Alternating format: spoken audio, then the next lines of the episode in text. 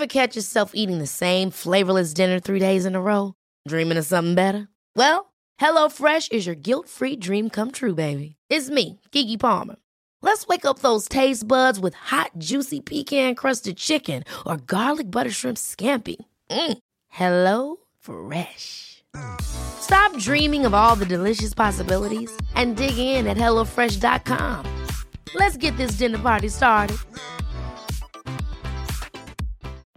Life is full of what ifs. Some awesome, like what if AI could fold your laundry? And some, well, less awesome, like what if you have unexpected medical costs? United Healthcare can help get you covered with Health Protector Guard fixed indemnity insurance plans. They supplement your primary plan to help you manage out of pocket costs. No deductibles, no enrollment periods, and especially no more what ifs. Visit uh1.com to find the Health Protector Guard plan for you.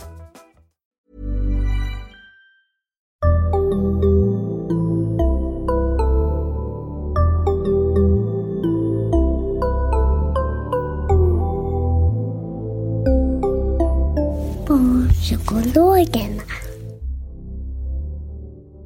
Välkommen till Barnpsykologerna där vi idag ska prata om hur man kan hjälpa barn och kanske även sig själv som vuxen att bli lite bättre på att kritiskt granska det man ser i medier. Och till vår hjälp så har vi Emanuel Karlsten. Välkommen Emanuel! Tack så mycket! Eh, du kan väl presentera dig lite själv för våra lyssnare och, och din bakgrund i det här området. Ja, i, ja, i vilket område jag håller på att säga. Jag eh, är så många, inne i så många olika områden och det är väl också ett problem när man ska presentera sig. Jag, jag eh, brukar säga att jag är journalist för att det är också egentligen ett, ett slags eh, övergripande namn för någon som bara är nyfiken och någon som också tycker det är kul att förklara saker. Um, för det är väl det som jag har gjort de senaste ja, 15 åren eller vad det är för någonting. Jag tycker det är spännande med internet, hur det påverkar alla eh, olika delar av samhället och hur vi, eh, hur det på något sätt hjälper oss att ifrågasätta gamla sanningar och kanske återupptäcka gamla problem eh, och sådär. Eh, räcker det? Du får gärna ja. på om du tycker något annat. ja, precis. Jag, jag kan fylla på utifrån varför vi bad dig att vara med. Då. För vi tänker ju att vi lever i en tid eh, där det pågår ganska mycket hemska saker i världen. Eh, stora konflikter och eh, vi översköljs i media och i alltså både sociala medier och gammelmedia om, av information om de här grejerna. Och vi vet att den här sanningen som man, eller grejen som man brukar säga, först, krigets första offer är sanningen. Det är propagandakrig, det handlar om att få liksom, få världen på sin sida och så. Och i det där ska man på något sätt orientera i vad är information? Hur vet man vad man kan lita på? Eh, och, och hur, liksom, vad gör man med allt det som man sköljs över av? Och då tänkte ju vi att du var rätt person att fråga, så det kanske är en del av presentationen av vem du är. Mm. Så vad säger du? Alltså om man börjar bara så här. Jag tänker ju som uppvuxen med gammelmedia att ett, ett bra sätt att veta vad man får veta är ju vem är, att ta reda på vem är avsändaren. Men hur gör man det idag? Um, ja, du tänker i de fallen där det är otydligt? Uh. Ja, precis. Jag tänker när man inte då liksom tar det från till exempel stora dagstidningar, stora mediehus, mm. utan liksom influencers. Ja, det är väl inte helt lätt och det spelar kanske inte alls så stor roll heller. Och jag, alltså jag, jag försöker alltid på något sätt backa tillbaka och lägga, anlägga, problematisera de, det som vi kanske har känt oss trygga med. För att det finns ju anledningen att vi känner oss trygga, eller att du känner dig trygg med det gamla systemet är ju för att det är någonting som du har växt upp med och som generationer innan dig har växt upp med och känt sig väldigt trygga och säkra med. Mm. Um, det första perspektivet på det jämfört med idag då, där man tycker att den stora förändringen har varit från den gamla världen tills idag, det är väl att, att, um, att komma ihåg att männi människoarten har alltid under majoritet, majoritet av en våldsamt stor majoritet av mänsklighetens eh, liv på den här planeten så har vi ju inte fått till oss information via traditionella medier. Utan innan vi hade traditionella medier så var det ju just människor och människors berättande Eh, och våra relationer till andra människor som avgjorde vad vi lyssnade på och vad vi litade på. Alltså, du får ju tänka att ja, innan vi hade massmedier så, så var det ju olika marknadsplatser eller på kyrkbacken utanför kyrkan som, som vi överhuvudtaget fick information. Vi levde liksom och jobbade dygnet runt jämt eh, och ibland så träffades vi och kanske fick höra lite från vad som hade hänt i någon större stad eller liksom brev från någon annan del av världen. Eller någonting. Och så pusslade vi ihop vår världsbild utifrån den som berättade så att det kändes rätt och kändes sant. Och sen mm. så kom ju traditionella medier och det är liksom en jätteliten kort parentes av mänsklighetens eh, tid här på jorden som förvisso har varit superbra. Men det har ju varit ett slags dåligt internet innan internet kom. Alltså det vill säga att det är några få redaktörer som har försökt att förstå världen utifrån deras begränsade perspektiv och kablat ut den eh, till, till dig. Så här tycker världen just nu. Och sen har vi kommit till, till, med internet och internet är egentligen en fortsättning på den kyrkbacken eller marknadsplatstorg som mänskligheten alltid haft. Det vill säga att den vi lyssnat på är den som vi haft en relation och ett förtroende till. Eh, och, och, jag tycker det där perspektivet är viktigt för att det det säger är ju eh, någonting som är djupt mänskligt och någonting som har fungerat mer eller mindre bra. Alltså vi ska verkligen komma ihåg hur viktiga traditionella medier var. Eftersom att det har kommit med information så har vi fått demokratisering och eh, ja, allt det där. Men, men att, att, att i grunden så är, ju, är vi tillbaka till ursprungssättet som människan har fått till sig information. Men vi har fått det liksom på steroider eftersom att vi nu inte är beroende av någon slags kyrka eller någon slags marknadsplats utan vi har det i fickan hela tiden. Mm. Och det liksom växer fram ett nytt medielandskap med det. Och hur valde vi vilka vi lyssnade på innan traditionella medier? Ja, men det, igen, det var ju de här som vi hade en relation till och det kändes rätt, och det kändes bra. Eh, och det är ju farligt på ett sätt såklart för att våra magkänslor och de här relationerna är ju inte någonting vi kan lita på heller. Men många gånger så, vi ska liksom inte lura oss tro att vi är i ett, i ett sämre läge nu för att om vi ska prata om till exempel filterbubblor och sånt så har vi verkligen varit en filterbubbla de här hundra åren med traditionella medier där det är några få redaktörer som bestämt vad det är vi ska ta del av eh, i vad som händer i världen, vad som är intressant eh, och vad som inte är intressant. Och eh, vad som är en rimlig åsikt och inte en rimlig åsikt.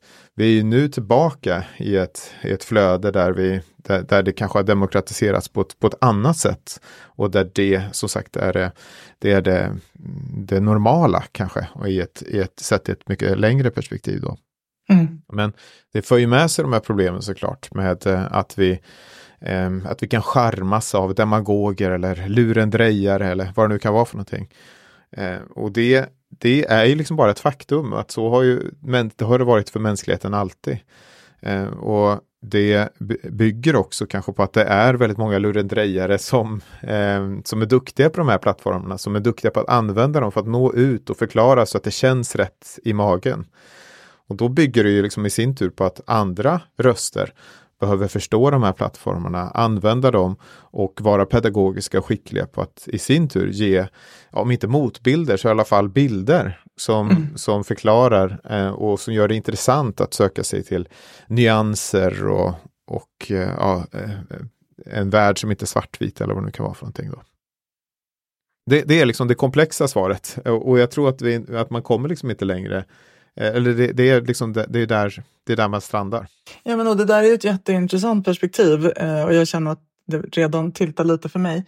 Eh, men jag tänker ju, alltså det där som du sa då på steroider, att det ändå känns så centralt för att kyrkbacken nådde kanske, inte vet jag hur många tusen människor i bästa fall. Och här når man på en sekund eh, jag menar, är man en hyfsat liten influencer så når man några hundratusen och är man större än så så når man över hela världen. Och liksom.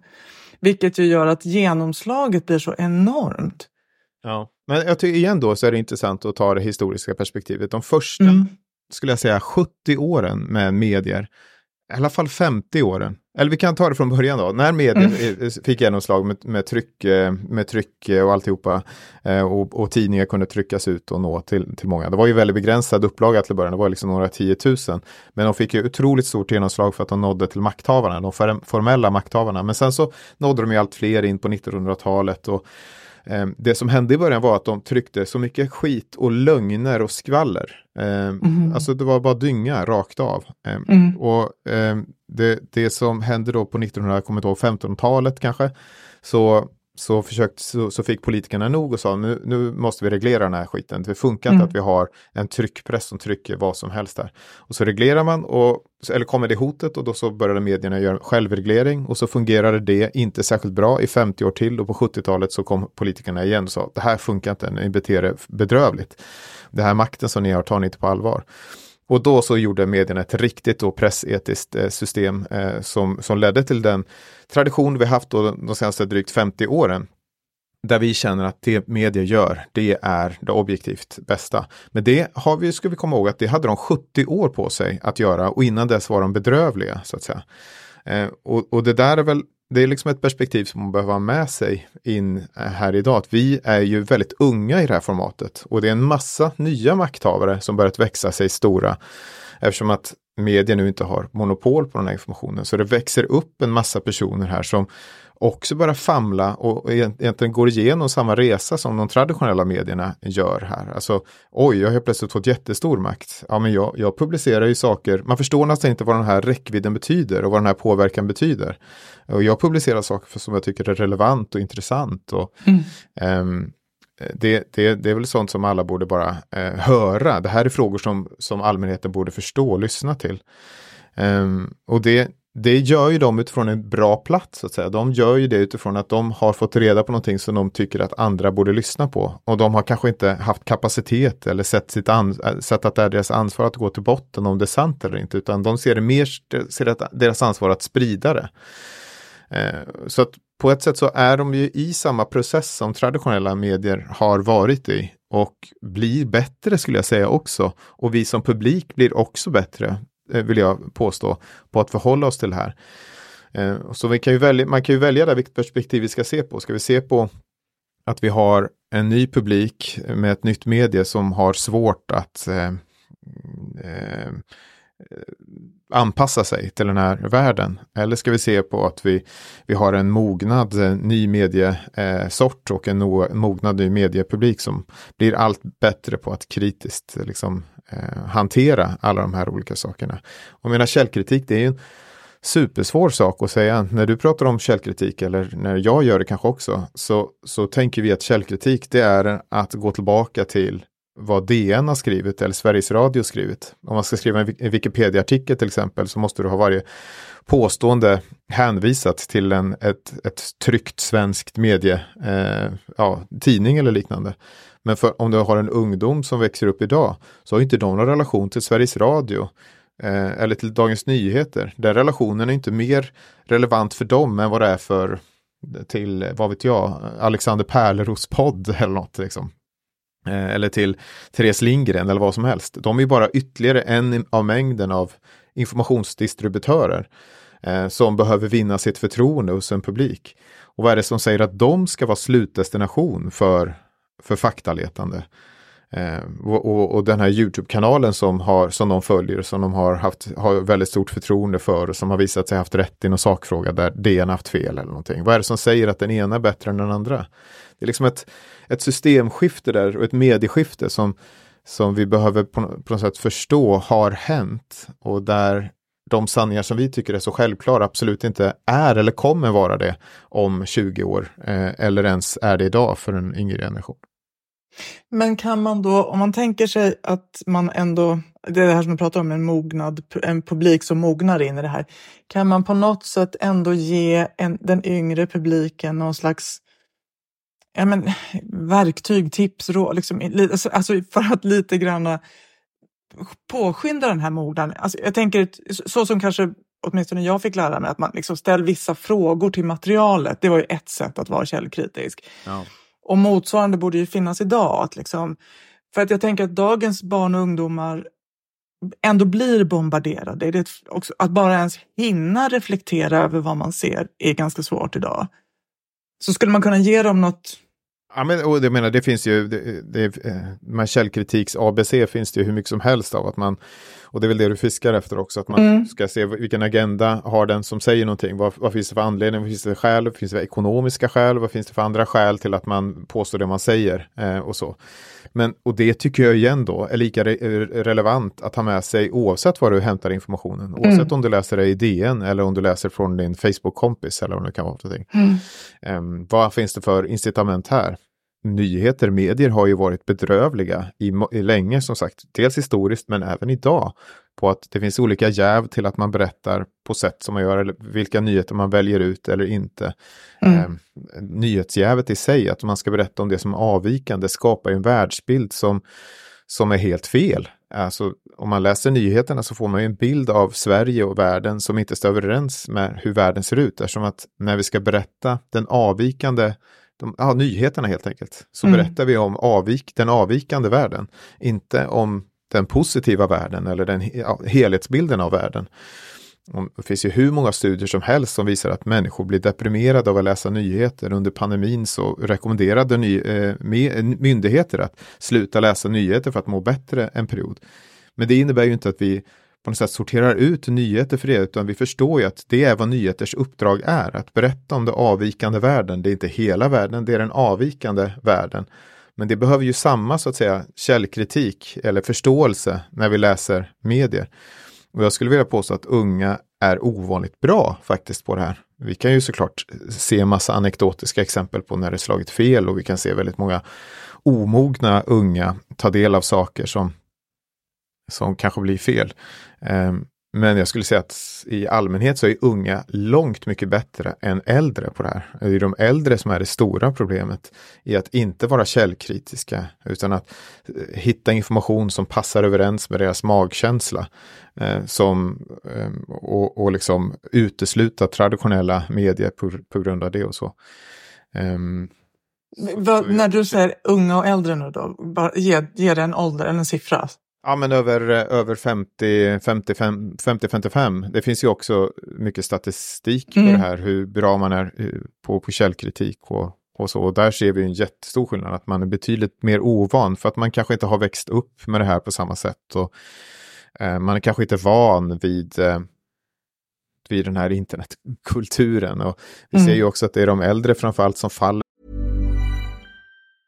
Mom deserves the best, and there's no better place to shop for Mother's Day than Whole Foods Market. They're your destination for unbeatable savings, from premium gifts to show-stopping flowers and irresistible desserts. Start by saving 33% with Prime on all body care and candles. Then get a 15-stem bunch of tulips for just $9.99 each with Prime. Round out Mom's menu with festive rosé, irresistible berry chantilly cake, and more special treats. Come celebrate Mother's Day at Whole Foods Market. Hold up. What was that? Boring. No flavor. That was as bad as those leftovers you ate all week. Kiki Palmer here, and it's time to say hello to something fresh and guilt-free. Hello Fresh. Jazz up dinner with pecan-crusted chicken or garlic butter shrimp scampi. Now that's music to my mouth. Hello Fresh. Let's get this dinner party started. Discover all the delicious possibilities at hellofresh.com. Hey, it's Ryan Reynolds, and I'm here with Keith, co star of my upcoming film, If, only in theaters, May 17th. Do you want to tell people the big news? All right, I'll do it. Sign up now and you'll get unlimited for $15 a month in six months of Paramount Plus Essential Plan on us. Mintmobile.com slash switch. Upfront payment of $45 equivalent to $15 per month. Unlimited over 40 gigabytes per month. Face lower speeds. Videos at 480p. Active Mint customers by 531.24 get six months of Paramount Plus Essential Plan. Auto renews after six months. Offer ends May 31st, 2024. Separate Paramount Plus registration required. Terms and conditions apply if rated PG. För olika bluffannonser och spam-mail eh, och det som går på de här Nigeria-breven och allt vad det är för någonting. Mm. Men vad tror du om det här då med, för det, jag tänker att den här eh, liksom, idoldyrkan som på något sätt ju ändå hör ungdomen till, att den, så tänker åtminstone jag, att den skulle kunna vara en sårbarhet, att man, man dyrkar någon för något som den egentligen kanske då också har fått hela sin, sin plattform på grund av. Och sen börjar den uttala sig om till exempel världsläget och, läget, och då, eftersom jag tycker så mycket om den här personen så tror jag på vad den säger. Men det kan, så tänker jag skulle vara en, en risk för unga människor. kanske för äldre också, men nu är jag lite mer intresserad av unga just idag. Ja. Eh, Ja, nej, men- men har jag fel där tror du? Nej, men jag tror att du att du glömmer, ja men jag, jag vill egentligen hela tiden anlägga, så unga människor är ju bara eh, små varianter av stora människor. Mm. Och det där problemet är ju detsamma för Dagens Nyheter eller någon annan tidskrift eller vad nu skulle kunna följa. Skulle de börja ändra sig så skulle de kunna få med sig stora massor. Det finns ju många exempel på det, inte minst på ledarplats på olika tidningar där liksom man har bytt åsikt. Och det som ofta händer där, liksom det händer bland influencers när de väl byter åsikt, det är ju att, att läsarna förändras. Eller de, det är inte så Mm. att, de sitter, att, att man som tidning kan skedmata sina läsare och få dem att tro vad som helst. Utan det, det, är ju, det finns ju många bevis på det och det finns det även i influencervärlden. Alltså ta Mm vi kan ta tidningsvärlden, kan vi ta Göteborgs-Posten som för, vad kan det vara, 15 år sedan eh, plockade in, 10 är det väl kanske, plockade in Alice Teodorescu på ledarplats och därmed gjorde om sin ledarprofil till att bli en, en från att vara liberal till att vara kraftigt höger eh, lutande eller vad man ska säga. Mm. Vilket gjorde att stora delar av läsekretsen lämnade eller sa upp sin tidning och, och, och Göteborgs-Posten fick en helt annan, det klingade helt annorlunda i Göteborg där jag bor. Det är därför jag tog Mm. det som exempel. Mm. Men samma sak kan vi se med, med många influencers som plötsligt radikaliseras åt det ena eller andra hållet. Det är ju inte så att de då får med sig eh, hela lägret automatiskt eh, in på, på det spåret, utan de flesta influencers idag aktar sig till exempel ganska noga för att ge sig in på olika politiska spår. Eh, till exempel för att de vet att därmed så alienerar de då ja, minst hälften av sin publik.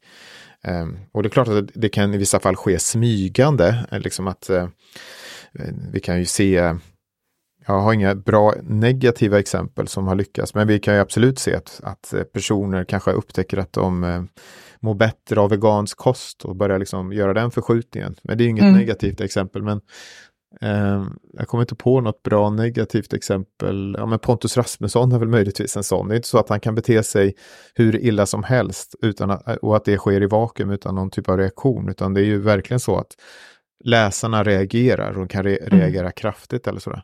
Så att jag, att jag ska liksom inte underskatta varken unga eller människor i allmänhet att vi är offer för, för media. Jag tror att det är en, det är en, det är en farlig liksom utgångspunkt att ha. Mm. Att vi tror att, att, vi, att vi är helt, eh, vi är extremt källkritiska. Eh, Mm. Och vi är extremt, och, och inte minst vet både medier, gamla och nya medier och influencers om det här. Alltså hur farligt det är att trampa på olika minor eller att inte vara genuin eller att inte vara transparent. Det, det, har, det finns så många exempel där det har gått åt skogen. Så att man är, det på något sätt håller både medier och nya medier i, i schack, den, den oron, upplever jag. Mm. Ja, men, jätteintressant. Jag, jag känner när jag pratar med dig att jag tycker att det här är ett större problem än vad du tycker. Och det är ju skönt att, att få bryta ner det. Ja, men, och det, det är nog inte så mycket att, att jag vill liksom förringa att, att det finns problem, för det gör det. Men jag tror att vi ser liksom på det på olika, med, med olika perspektiv och som gör att vi, vi kanske tar ett steg bort från det. Och jag vill liksom Mm. mer, mer, tror jag, uppmuntra att vi ska ta ett steg framåt. Alltså, inte minst när det gäller barn och så. Jag menar, jag har själv barn, ett, ett som går i mellanstadiet och ett som går i lågstadiet. Då. Och det är klart att jag ser hur det här påverkar barn. Um, och hur jag också märker på mig själv hur jag vill liksom övervaka dem och begränsa liksom allt de gör och sådär. Det jag försöker påminna mig om är ju hur min egen mellanstadieperiod såg ut, eller högstadieperiod, och hur mycket skit som, som hände där, som mina föräldrar aldrig fick eh, reda på.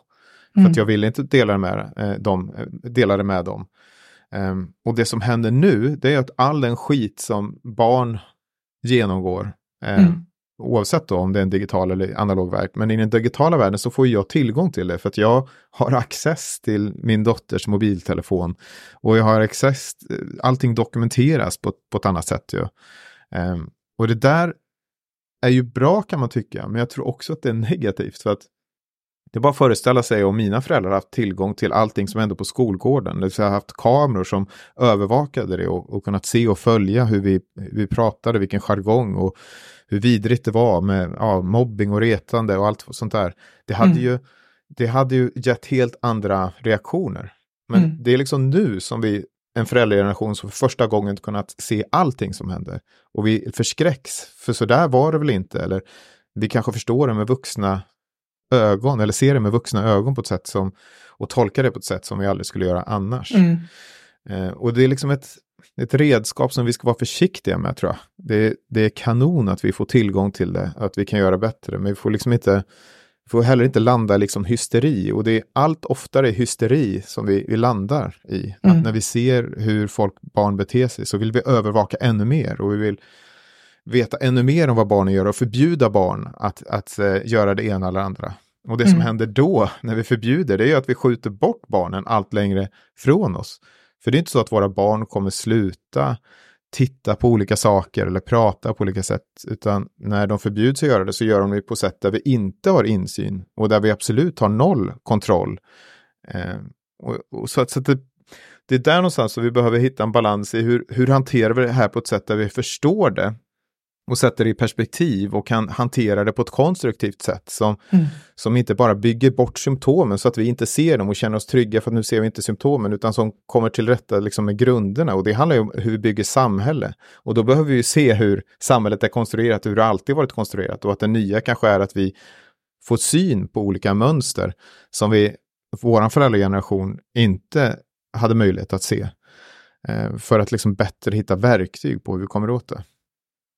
Jag tänker att det du säger nu är superviktigt. Jag bara märker hur jag tänker att eftersom barn har så, får så mycket information till sig så tänker jag att de blir förvirrade av det och, inte, och går på det. Liksom. Medan jag då, om jag tänker tillbaka, så kommer kom jag ihåg hur man var så här, men fröken har sagt, och en person sa någonting och den hade någon slags auktoritet så det övertrumpade föräldrar och alla andra vuxna. Liksom. Mm. Och nu när du pratar så inser jag att så här, nej men det är ju fel tänkt. Det kanske är tvärtom, att just därför att de får så mycket så får de nästan per automatik liksom både argumenten och motargumenten och allting däremellan.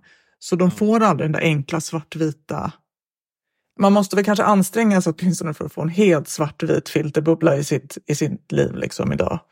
Ja, men och det där är ju hela filterbubbel-argumentet är ju så konstigt mm. att vi tycker att eh, Facebook har ansvar liksom för att eh, inte eh, trycka in oss i filterbubblor. Men du kan ju bara se på hur omgivningen, jag kan se hur min egen omgivning reagerar. När de liksom går in på Facebook och så ser de en avvikande åsikt så liksom börjar de avfölja den personen. Mm.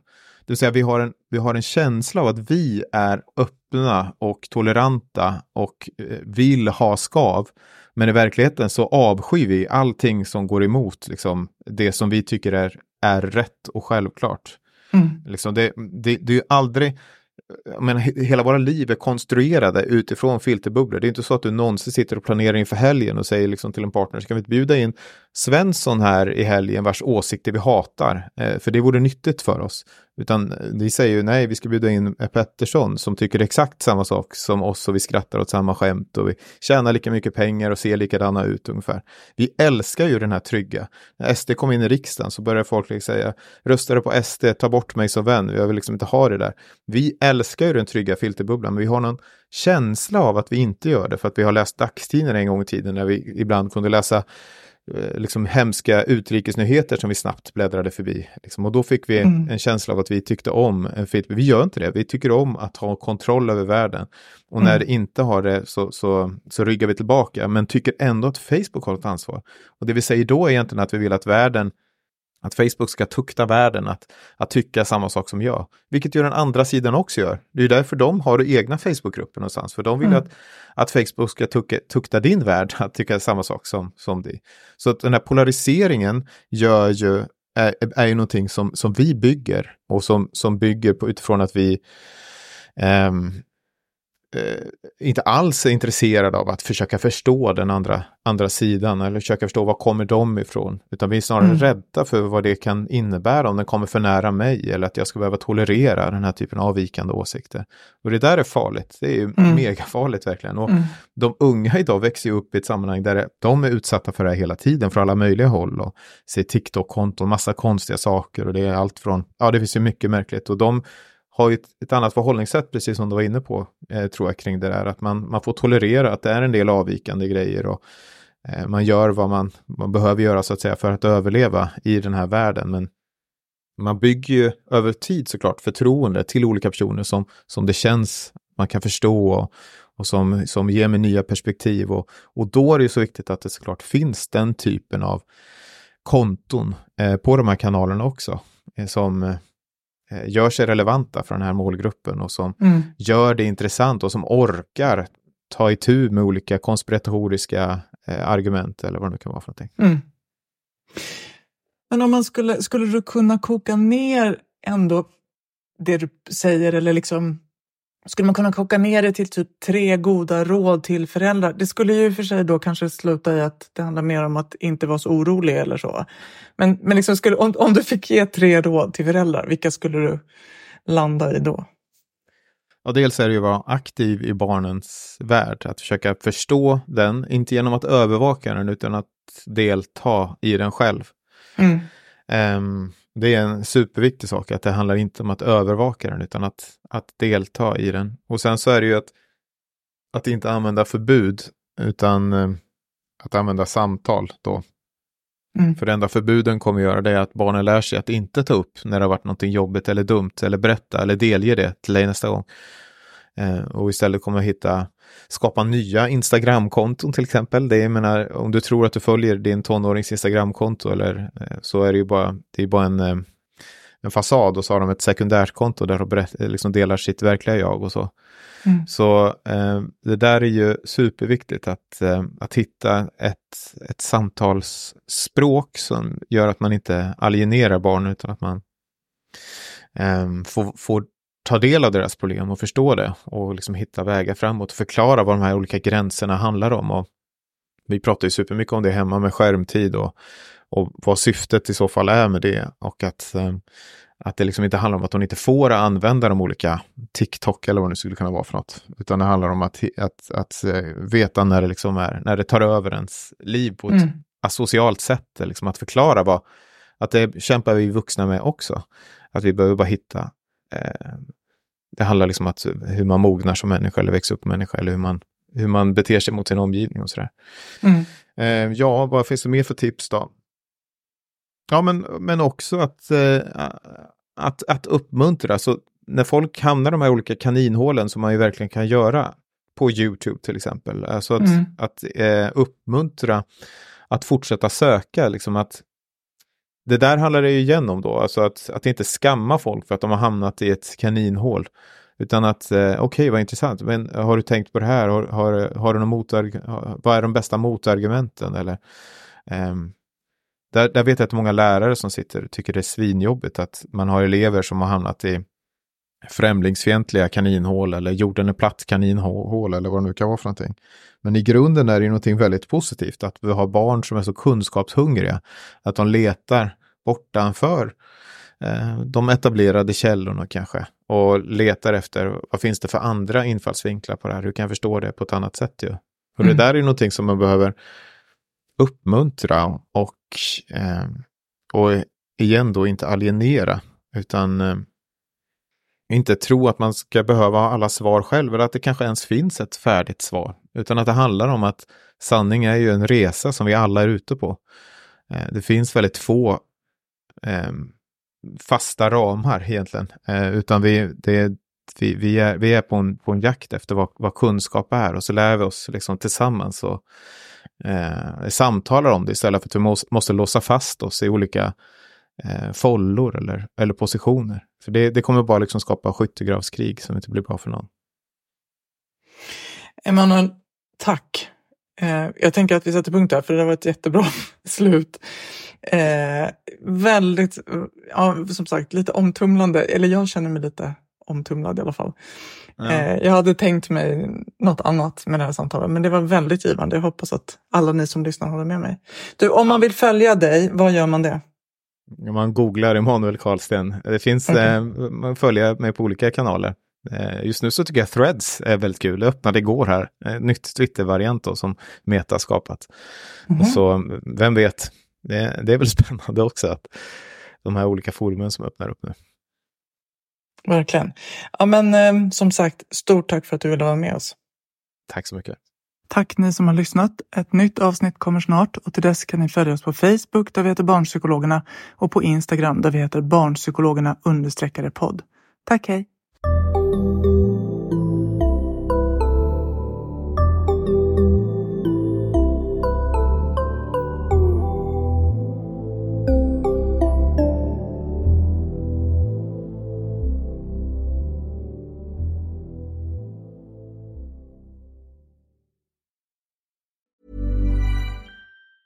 Mom deserves the best, and there's no better place to shop for Mother's Day than Whole Foods Market. They're your destination for unbeatable savings, from premium gifts to show-stopping flowers and irresistible desserts. Start by saving 33% with Prime on all body care and candles. Then get a 15-stem bunch of tulips for just $9.99 each with Prime. Round out Mom's menu with festive rosé, irresistible berry chantilly cake, and more special treats. Come celebrate Mother's Day at Whole Foods Market.